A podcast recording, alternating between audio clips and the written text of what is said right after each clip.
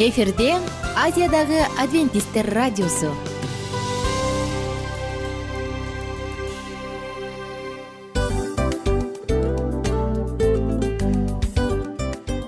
Достор салют. Баардык сүйүктүү угармандарыбызга салам айтабыз. Кутман күнүңүздөр менен. Ден соолук өмүрдүн булагы демекчи саламат саамы программасында баарыңыздарды көргөнүбүзгө абдан кубанычтабыз. Анда алгач амандашып өтөлү арбаңыздар деп. Ден соолугуңуздар кандай элибизде көбүнчө ден соолук кандай дегенде эле жакшы деп жооп беребиз э? ооруп турсак дагы жакшы дейбиз. Анан мен муну айтып ойлойт элем бул абдан сонун сөз депчи анткени бул жакшы деген үмүт да э ооба баары жакшы болот баары сонун. Деп үмүттөнүп атып эле өзүбүздү өзүбүз дарылап коебуз.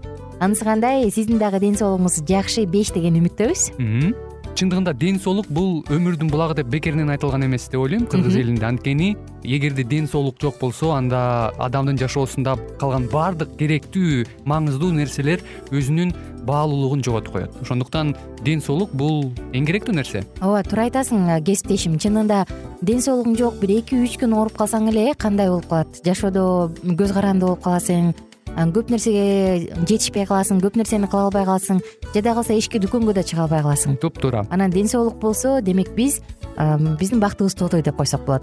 Анда достор саламат саамы рубрикабызды баштайлы. Алдыда өзүңүзгө керектүү болгон сонун кеңештерди уга аласыздар. Мына ошондуктан биз менен бирге болуңуздар. Ал эми биз болсо милан жана айнура. Кеттик алга. Алга саламат саама ден соолуктун жарчысы. Саламат саама ден соолуктун ачкычы. Күн сайын сиз үчүн мыкты кеңештер сонун жаңылыктар кызыктуу фактылар биздин рубрикада.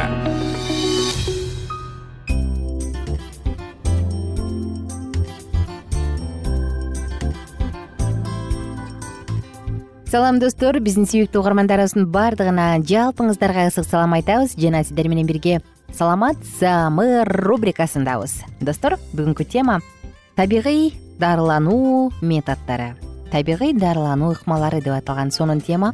Жана угармандарыбыздын баардыгын чакырабыз. Биз акыркы учурда детоксикация детокс программасы жөнүндө сөз кылып жатпайбызбы? Бүгүнкү айта турган ушул табигый ыкмалар дагы детоксикация программа учурунда колдонууну колдонууга сунушталат. Колдон келишинче бул сөзсүз түрдө деп айтса дагы милдеттүү түрдө да айтыш керек. Анткени детоксикация программасы толук болуш үчүн бул нерсени дагы колдонгон жакшы. Анткени организм ичинен дагы сыртынан дагы тазаланыш керек деп айтканбыз э ошондуктан ичтен биз сокторду бульондорду суусундуктарды чайларды ичип смутилерди ичип ичинен тазалана турган болсок сөзсүз түрдө сырттан дагы керек. Ал үчүн биз кандай ыкмаларды сунуштайбыз? Албетте ар биринде суу турат сөзсүз түрдө ошондуктан сууга байланыштуу ыкмалар. Биринчиси ванна детокс программасын өтүп жаткан учурда күнүнө бир жолудан кем эмес сууга түшүү сунушталат. Анткени бул сыртынан дагы ичинен дагы тазаланганга жардам берет. Ваннадан соң душка түшүп коюңуз же муздак чүпүрөк менен сүртүнүңүз. Бул адамды тонизировать эте турган эффектти тартуулайт. Кийинки кезекте бут үчүн ванна мындай рефлективдүү механизмдин натыйжасында бутта кан айлануу жакшырат. Демек процесс детоксикациясы сөзсүз түрдө болот. Жалаң гана ысык ванна кылсаңыз болот бутуңузга же ысык менен муздакты аралаштырып жасасаңыз болот. Сауна. Сауна дагы теринин майда тешикчелерин алып ачканга жана тердегенге жардам берет. Ошондуктан дал ушул ыкма аркылуу дагы организмден көптөгөн көптөгөн токсиндер чыгат. Тери аркылуу чыгат албетте. Саунада баягы детоксикацияны эртең баштайм деген күнү кечинде саунага түшүү жана парга отуруу сунушталат. Бул албетте керектүү натыйжаны тартуулайт. Жана кургак щетка менен сүртүнүү мен буга чейин ушул кургак щетка менен сүртүүнү дагы ушунчалык пайдалуу экенине маани бербептирмин бирок чындыгында бул абдан маанилүү экен. Анткени кургак щетка менен биз сүртө турган болсок дененин үстүндөгү эпидермис өлүк клеткалардын баардыгы тең түшөт демек демек лимфаларга кан айлануу жакшырат. Суюктук барат клеткалардын ортосундагы мунун натыйжасында тери аркылуу токсиндер жакшыраак чыга баштайт. Щетка менен сүртүүнүдө биринчи аны буттан башташ керек. Бутту сүртүп акырын акырын өйдө келип сан жака белге андан кийин артыңды анан алдыңды төшүңдү курсагыңды щетка менен сүртүш керек мындай учурда негизи эле детоксикация программасын кармап жаткан учурда аткарып жаткан учурда жок дегенде бир жолу кургак щетка менен сүртүүнү сунушталат. Детокс эң көп болсо үч күнгө созулат э детоксикация. Ошондуктан үч күн аралыгында сөзсүз түрдө бир жолу бул нерсени жасап коюу сунушталат. Жалпы эле сууга түшүү жөнүндө сөз кылсам бул эс алуунун жана денени чыңдоонун бир түрү катары баардык курактагы адамдарга пайдалуу ал дарылоо алдын алуу максатта дагы кеңири пайдаланылып келет. Табигый көлгө түшөбүз көл дарыя деңиздерге жасалма бассейндерге түшөбүз. Айтор ваннага түшөбүз мунун баардыгы тең пайдалуу. Анын эрежелерин сактоо менен үзбөй биз сууга түшүү аркылуу денени чыңдоонун жана суук тийүүдөн болуучу оорулардын алдын алууну натыйжалуу ыкмасы болуп эсептелет. Сууга түшүү булчуңдун өтө активдүүлүгүн талап кылат. Баардык организмге айрыкча кыймылдоо жана таяныч органдар системасына жагымдуу таасир тийгизет. Ачык көлмөгө түшүү учурунда суунун таасиринен тышкары аба күн нуру жана башкалар дагы бизге таасир калтырат. Туздуу суу бар э? Деңиз көл ысык көл биздеги. Мында дагы э, суудагы эриген туздардын химиялык таасири тиет. Жалпысынан негизинен эле бул денени чыңдайт сууга түшүү кандай гана суу болбосун кан жана лимфа айланууну нерв булчуң системасынын ишин дем алуу жылуулукту жөнгө салууну жакшыртат сууга өтө көп түшүү жана анын эрежелерин сактабоо ден соолукка терс таасир дагы тийгизип коюшу мүмкүн. Ошондуктан колдон келишинче баардык нерсенин чеги менен жана туура жасаган жакшы. Температурасы жөнүндө бир аз сөз кыла турган болсок табигый көлмөлөргө түшүү үчүн абанын температурасы жыйырма жыйырма эки градус суунуку жыйырма он сегиз градус цельсийден кем болбошу керек. Дайыма сууга түшүп көнгөн адамдар сууга суук баягы суук түшкөнгө чейин ал эмес кышында декабрда суукка сууга түшкөндөр бар э? Түшкү тамактан эки үч сааттан кийин сууга түшүү сунушталат. Эртең менен болсо эртең мененки тамакка чейин же андан бир жарым эки сааттан кийин түшүү сунушталат. Дени сак жана машыккан адамдар күнүнө эки үч жолу үч төрт саатка чейин түшө алышат жана түшсө болот. Ал эми машыкпаган адамдар албетте азыраак түшүшү керек. Сууга түшөрдөн он беш жыйырма мүнөт эс алып адегенде бетти жана төштү суулап анан сууга акырындык менен кириш керек машыккан жана дайыма сууга түшүп жүргөн адамдар гана сууга дароо секирип кирип кете алышат. Мына ушундай. Эки жаштан баштап балдарды сууга түшүрө берсек болот э? Албетте эки жашка чейин бул э, көлмө ачык суулар жөнүндө сөз болуп атат. Бала болсо төрөлгөндөн эле ваннага тазикке сууга түшө баштайт. Бул конкреттүү нерсе. Дагы эске салсак достор дагы карай турган болсок баланы сууга түшүрүп үйрөтүп жатсаңыз дароо эле чуңкутуп монтип монтип ал өзү сүзүп кетет дебеңиз. Акырындык менен көндүргөн жакшы. Колдон келишинче акырындык менен баланы төрөлгөндөн эле мен өзүмдүн тажрыйбаман билем. Төрөлгөн күнүнөн баштап биринчи жолу сууга жуунтабыз го ошондо эле чочутпай акырын жуунтсаңыз болду бала суудан чыкпайт ал сууну сүйүүчү ойдон кала берет ошондуктан бул нерсе дагы маанилүү. Достор оорубаңыздар. Суу эң сонун керемет суу бизди стресстен арылтат суу биздин ичибизден дагы сыртыбыздан дагы маанилүү ошондуктан суунун жардамы менен өзүңүздүн ден соолугуңузга кам көрүңүз чыңдаңыз бекемдеңиз. А биз болсо бул программаны жыйынтыктайбыз. Саламат чекит клуб сайтына угармандарыбыздын баардыгын чакырам. Дал ушул сайттан керектүү маалыматтардын баардыгын уга аласыздар. Жана сиздер менен коштошом. Күнүңүздөр көңүлдүү маанайда улансын. Оорубаңыздар. Ваннага түшүңүз бутуңузга ванна жасаңыз душка түшүңүз муздак чүпүрөк менен сүртүнүңүз саунага барып парда отуруңуз бууда кургак щетка менен сүртүнүңүз баардык ыкмаларды колдонуп ден соолугуңузга кам көрүңүз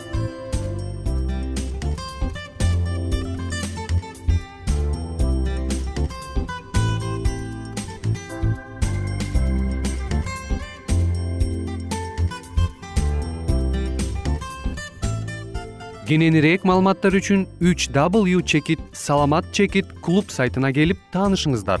Жана андан тышкары социалдык тармактарда youtube facebook жана instagram баракчаларына катталыңыз. Саламат саама ден соолуктун жарчысы. Саламат саама ден соолуктун ачкычы. Күн сайын сиз үчүн мыкты кеңештер сонун жаңылыктар кызыктуу фактылар. Биздин рубрикада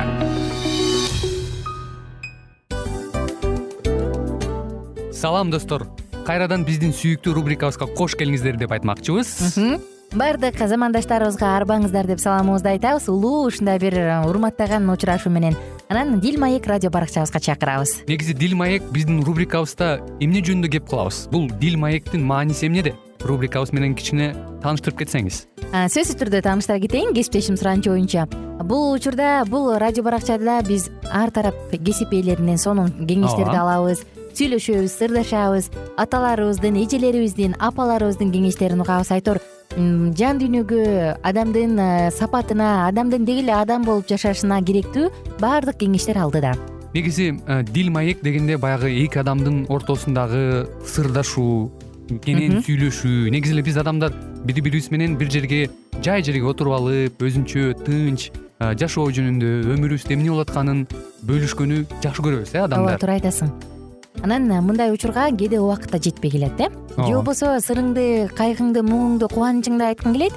а адамга ишенбешиң мүмкүн. Ооба. А бул радио баракча угармандарыбыздын чыныгы досу. Анткени бизден алган кеңеш сиздин жашооңузга чоң жардам берет. Ал эми сиздин бизге айта турган сөзүңүз ортодо гана сыр бойдон калат. Ошондуктан биздин дил маек рубрикабызга дагы бир жолу кош келиңиздер. Жана биз даярдаган маалыматтарга даяр болуңуздар. Айнура жана милан сиздер менен бирге алдыга кеттик ар түрдүү ардактуу кесип ээлеринен алтын сөздөр жүрөк ачышкан сыр чачышкан сонун маек дил маек рубрикасында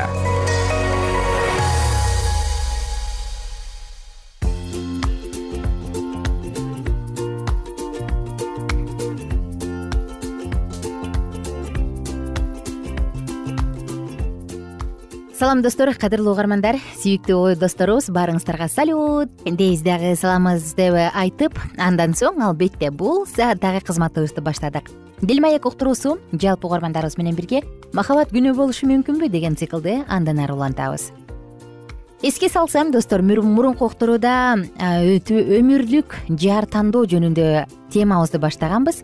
Анан биринчи элек бул ал кыз теңирге кайрылганбы? Же ал адам теңирге кайрылганбы деген болчу. Бүгүнкү уктуруубузда биз экинчи элекке кезек беребиз. Ал экинчи элек ал өзүн иш жүзүндө көргөздү беле деп аталат. Теңир үчүн жашагысы келген адам экинчи тараптын жогорудан төрөлгөндүгүнө эле канааттанып калбайт. Андан машаякчылыктын салтка айланып калган үрп адаттары эмес. Жаңы жашоонун жемиштери да көрүнүп турушу керек бул жерде сөз теңирге кудай сөзүнө ишенгендерге жана тозокко бара жаткандарга болгон сүйүүсү. Өзүнөн баш тарткандыгы жана өзүн арнап койгондугу байкалып турган адам жөнүндө болуп жатабы мисирден чыгуу китебинин экинчи бөлүмүнүн биринчи аянтында мындай деп жазылган. Леби уруусунан бир адам ошол эле уруудан аял алды леби деген сөздүн мааниси көз каранды дегенди билдирет. Бул биздин машаякка берилгендигибиз жана ишенимдүүлүгүбүз жөнүндө билдирип турат. Кийинчерээк лебинин тукумуна өмүрү өткөнчө ыйык жайда кызмат кылуу тапшырмасы берилген. Бул нерсе бүт күчүбүздү талантыбызды теңирге жана анын элине кызмат кылууга арноого даяр болуу керектигин көрсөтүп турат. Мусанын ата энеси да кудайдын элинин арасынан теңирге кызмат кылууну жана кыйын учурларда да ага тил алчаак болууну гана каалаган адамдар болгондугун окуйбуз.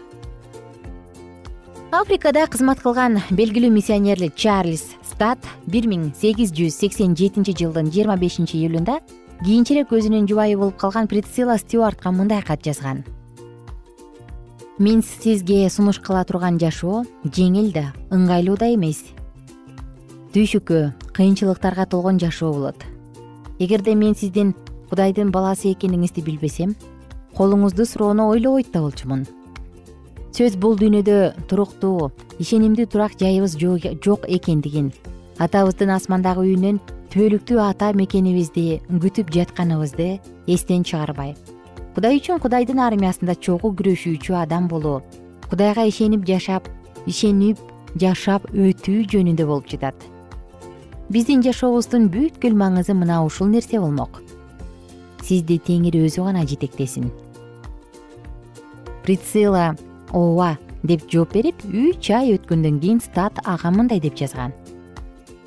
Мен сени ыйсага болгон сүйүүң үчүн ал үчүн кызмат кылуудагы тырышчаактыгың үчүн сүйөм. Мен сени куткарыла элек адамдарга болгон сүйүүң үчүн сүйөм. Мен сени мага болгон сүйүүң үчүн сүйөм. Мен сени өзүң үчүн сүйөм.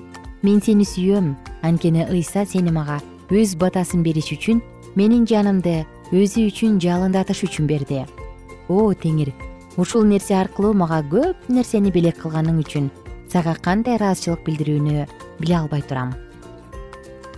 Прицила жаш таланттуу кудайды өз жашоосу менен даңтоого умтулган миссионер болгон.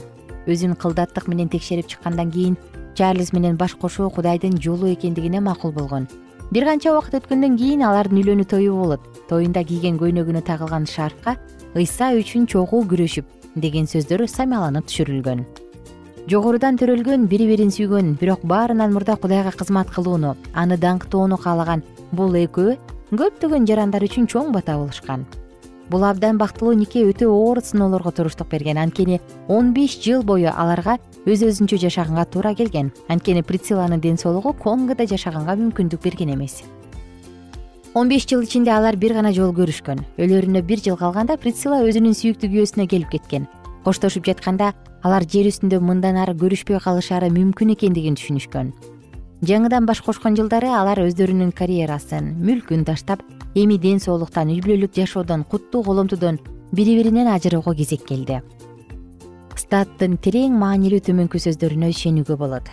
Мен өзүмдүн бүт жашоомду изилдеп чыгып теңир ыйса үчүн арнаганга андан башка эч нерсе таба албадым бул сөздөрдү анын артынан ар бир эле адам кайталаганга батына албаса керек. Өзүнүн өмүрлүк жарын тандоодо жеңил ойлуу принциптерди колдонгондо бул миссионер эмне болмок? Бүгүнкү күндө жаш машаякчы өзүнүн тандаган адамынын теңирге кайрылганын эле эмес ишеним жолунда бекемделгендигин кантип биле алат? Деңиз жээгинде эс алуу концерттерге баруу же парктарда сейилдөө ушундай байкоо жүргүзүү үчүн ылайыктуу жер болуп бере албаса керек. Кептин баары жаштардын кайсы жерде таанышкандыгында. Ишенген үй бүлөлөрдүн жаштар үчүн өз эшиктерин ачып берип жатышканы жыйындарда жаш машаякчылардын туура рухий чөйрөдө өсүшү үчүн жана бири бири менен ыңгайлуу шарттарда таанышысы үчүн кам көрүп жатканы абдан жакшы жакшы кабар таратуу кызматы аркылуу же практикалык иштер аркылуу жаш машаякчынын кандай экендигин көрүүгө болот. Теңирге кайрылгандан кийин эжелери мага көп ачууланып мени көчөдөп бериште үйдө шайтан деп атап коюшканын ачык айтышым керек. Тааныш адамдарга элпектик кылып жардам бере калчумун. Ал эми үйдө иш жүзүндө чыныгы такыбалык менде өтө аз болчу.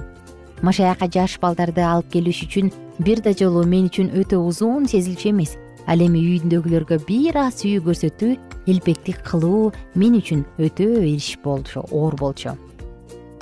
Жеке жашоом жөнүндө дагы бир аз айтсам болот го деп ойлойм. Келечектеги аялымды кайсы жерден кандай шарттарда биринчи жолу байкаганымды эсиме түшүргөндө ыйсага ишенген үлгүлүү бир үй бүлө көз алдыма тартылат ал үй бүлөнүн эшиктери теңирди сүйгөн жаары баардык жаштар үчүн дайыма ачык турчу. Ал убакта менде үйлөнүү жөнүндө ой да жок болчу бирок урсула кир жууш керек болгондо бир нерсени тазалаш керек болгондо идиш аяк жууш керек болгондо же үй жыйнаш керек болгондо ар бир ишти кубаныч менен жан деле менен аткаргандыгы аркылуу менин көңүлүмдү өзүнө бурду. Бүгүнкү күнгө чейин бул иш анын негизги иштеринин бир бөлүгү бойдон калды. Достор кийинки уктуруубузда биз саатыбызды андан ары улантабыз дагы өмүрлүк жарды тандоодогу үчүнчү негизги элек жөнүндө сөз кылабыз. Мына ошондуктан кийинки уктурууга чейин кайрадан амандашканча деп жалпыңыздар менен коштошом. Бар болуңуздар.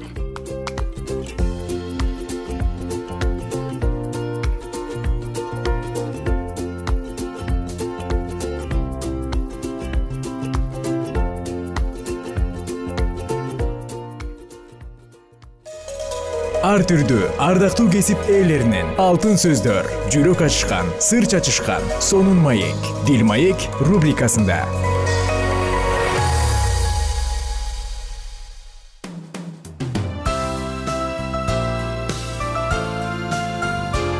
эфирде азиядагы адвентисттер радиосу.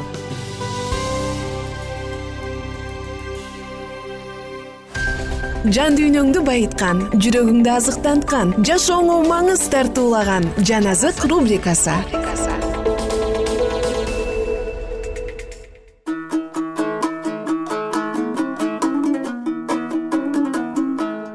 салют достор кандайсыздар? Угармандар сиздер менен кайрадан сонун саатыбызды баштадык. Жана кызматымды өтөп баштаган мен кызыңар.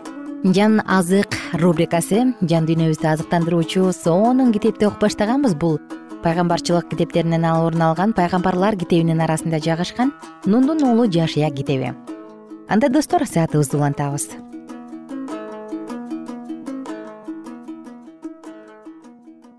Нундун уулу жашия жетинчи бөлүм жыйырма экинчи аяттан ары. Жашия кишилерди жөнөттү. Алар чатырга жетип барышты. Бир аз эске салсам биз ахан эмне болот?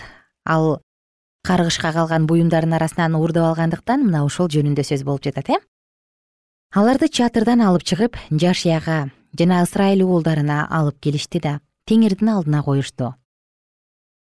Жашия менен бардык ысрайылдыктар зирактын уулу аханды күмүшү кийими уютулган алтыны балдары жана кыздары өгүздөрү жана эшектери койлору жана чатыры бардык буюм тайрындары менен ак аяк өрөөнүнү алып чыгышты. Анан жашия мындай деди. Биздин башыбызга мүшкүл түшүргөнүң үчүн. Теңир бүгүн сенин башыңа мүшкүл түшүрөт. Ошондо бүт ысрайылдыктар аны ташбаранга алышты да аларды отко өрттөп жиберишти. Үстү үстүнө таш ыргытышты. Ыргытылган таштар үйүлүп дөбө болду. Ал бүгүнкү күнгө чейин бар. Ошондон кийин теңирдин кайнаган каары токтоду. Андыктан ал жер азыркыга чейин акор өрөөнү деп аталат. Нундун уулу жашия сегизинчи бөлүм. Теңир жашияга мындай деди. Коркпо да үрөйүңдү учурба. Өзүң менен кошо согушка жарактуу элдин бардыгын алып айды беттеп жөнө мына мен айдын падышасын элин шаарын жерин сенин колуңа салып бердим. Жерихону жана анын падышасын кандай кылсаң айды жана анын падышасы да ошондой болот. Бирок анын олжосу менен мал мүлкүн өз ара бөлүп алгыла. Шаар сыртына буктурма кой. Жашия менен согушка жарактуу бардык эл айга бет алууга түп көкөтөрө турду жашия эр жүрөк отуз миң адамды тандап аларды түн ичинде жөнөттү. Анан аларга мындай деп буйрук берди. Байкагыла. Силер шаар сыртында буктурмада болгула. Шаардан көп алыстабай баарыңар даяр тургула. Ал эми мен жана мени ээрчиген жалпы эл шаарга бет алабыз. Айдын тургундары мурдагыдай эле бизди беттеп качыра бергенде биз алардан качып жөнөйбүз. Алар бизди сая кууйт биз аларды шаардан алыстатып кетебиз. Анткени алар мурдагыдай эле бизден качып бара жатышат деп айтышат. Биз алардан качып жөнөгөнүбүздө силер буктурмадан чыгып шаарды ээлеп алгыла. Аны кудай теңириңер силердин колуңарга салып берет. Шаарды басып алгандан кийин аны өрттөп жибергиле. Теңир айткандай кылгыла. Байкагыла мен силерге буйрук берип жатам жашия аларды ошентип узатты. Алар буктурмага жөнөп айдын күн батыш тарабындагы бейтел менен айдын ортосунда бугуп туруп жатышты. Жашия ошол түнү эл арасында түнөдү. Эртең менен эрте туруп жашия элди карап чыкты да ысрайыл аксакалдары менен элдин алдына түшүп айга бет алды. Аны ээрчиген согушка жарактуу элдин баары шаарга жакын келишти. Жашия станды айдын түндүк тарабына жайгаштырды алар менен айдын ортосунда өрөөн бар эле. Анан ал беш миңге жакын кишини шаардын батыш тарабындагы ай менен белтелдин ортосундагы буктурмага койду. Стан стан болуп жайгашкан элди шаардын түндүк тарабына койду. Буктурмадагы элди шаардын батыш тарабына койду. Ошол түнү жашия өрөөндүн ортосуна келди. Муну көргөн айдын падышасы эртең менен эрте туруп шаар тургундарын түп көтөрүп ысрайылга каршы салгылашууга чыкты ысрайылга каршы салгылашууга чыкты. Ал башында турган шаар эли өрөөндөгү белгилүү жерге келди. Шаар сыртында ал үчүн буктурма турганын билген жок. Жашия менен ысрайыл эли алардан жеңил эмиш болуп чөлдү беттеп качып жөнөштү. Алар болсо шаарда калган элдин бардыгын ысрайылдыктарды кууганга чакырышты. Анан алар жашияны кууп бара жатып шаардан алыстап кетишти ай менен бейтилде ысрайылдыктардын артынан куубаган бир да адам калган жок. Ысрайылдыктарды куйбуз деп алар шаар дарбазаларын ачык ташташты. Ошондо теңир жашияга мындай деди. Колуңдагы найзаны айды карайсуң мен аны колуңа салып берем жашия колундагы найзаны шаарды карай сунду буктурмада жаткандар дароо ордуларынан турушуп түп көтөрө чуркашты ал найзасын сунаар замат шаарга кирип барып аны багынтып алып ошол замат шаарды өрттөп жиберишти. Айдын тургундары артын карап шаардан көтөрүлгөн түтүн көккө жетип жатканын көрүштү. Алар качаарга жер таппай бул жакка да тигил жакка да кача албай калышты. Анткени чөлдү көздөй качып бараткан ысрайылдыктар куугунчуларды көздөй бурулушту. Жашия менен ысрайылдыктар буктурмада жаткандардын шаарды алганын шаардан көтөрүлгөн түтүн көккө жетип жатканын көрүшүп кайра кайрылып айдын тургундарын кыра башташты. Шаарга киргендер кайра шаардан чыгып алардын алдынан чыгышканда айдын тургундары ысрайылдыктардын ортосунда калышты. Ысрайылдыктар аркы тараптан да берки тараптан да каптап киришти айдын тургундарынан бир да киши калтырбай кырып салышты. Эч ким качып кутулган жок. Ал эми айдын падышасын тирүү кармап жашиянын алдына алып келишти. Ысрайылдыктар айдын тургундарын кубалап талаада чөлдө талкалашты. Алардын акыркы адамы кылыч мизинен өлгөндөн кийин ысрайылдыктар ай шаарына кайра буруп келишип бардыгын кылыч мизине алышты. Ошол күнү кырылган эркек аялдардын ай тургундарынын саны он эки миң болду. Ай тургундарынын баарын кылып салганча жашия найза сунган колун түшүргөн жок. Ысрайылдыктар теңирдин жашияга айткан сөзү боюнча шаардын малы менен олжосун гана бөлүп алышты жашия ай шаарын өрттөп аны түбөлүк курандыга чөлгө айландырды. Ал бүгүнкү күнгө чейин ошондой абалда. Ай падышасын болсо даракка асып койду. Ал кечке чейин асылып турду. Күн батканда жашия буйрук берди. Ошондо алар өлүктү дарактан чечип шаар дарбазасынын алдына таштады. Үстүнө таш ыргытып дөбө кылып үйүштү. Ал дөбө азыркыга чейин турат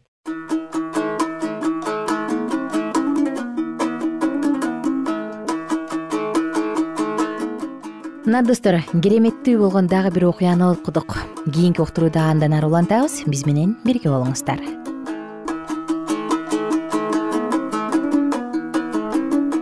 Эгер сиздерде суроолор болсо же көбүрөөк маалымат билем десеңиз анда биздин whatsapp номерибизге жазыңыз. Плюс бир үч жүз бир жети жүз алтымыш алтымыш жетимиш. Кайрадан плюс бир үч жүз бир жети жүз алтымыш алтымыш жетимиш.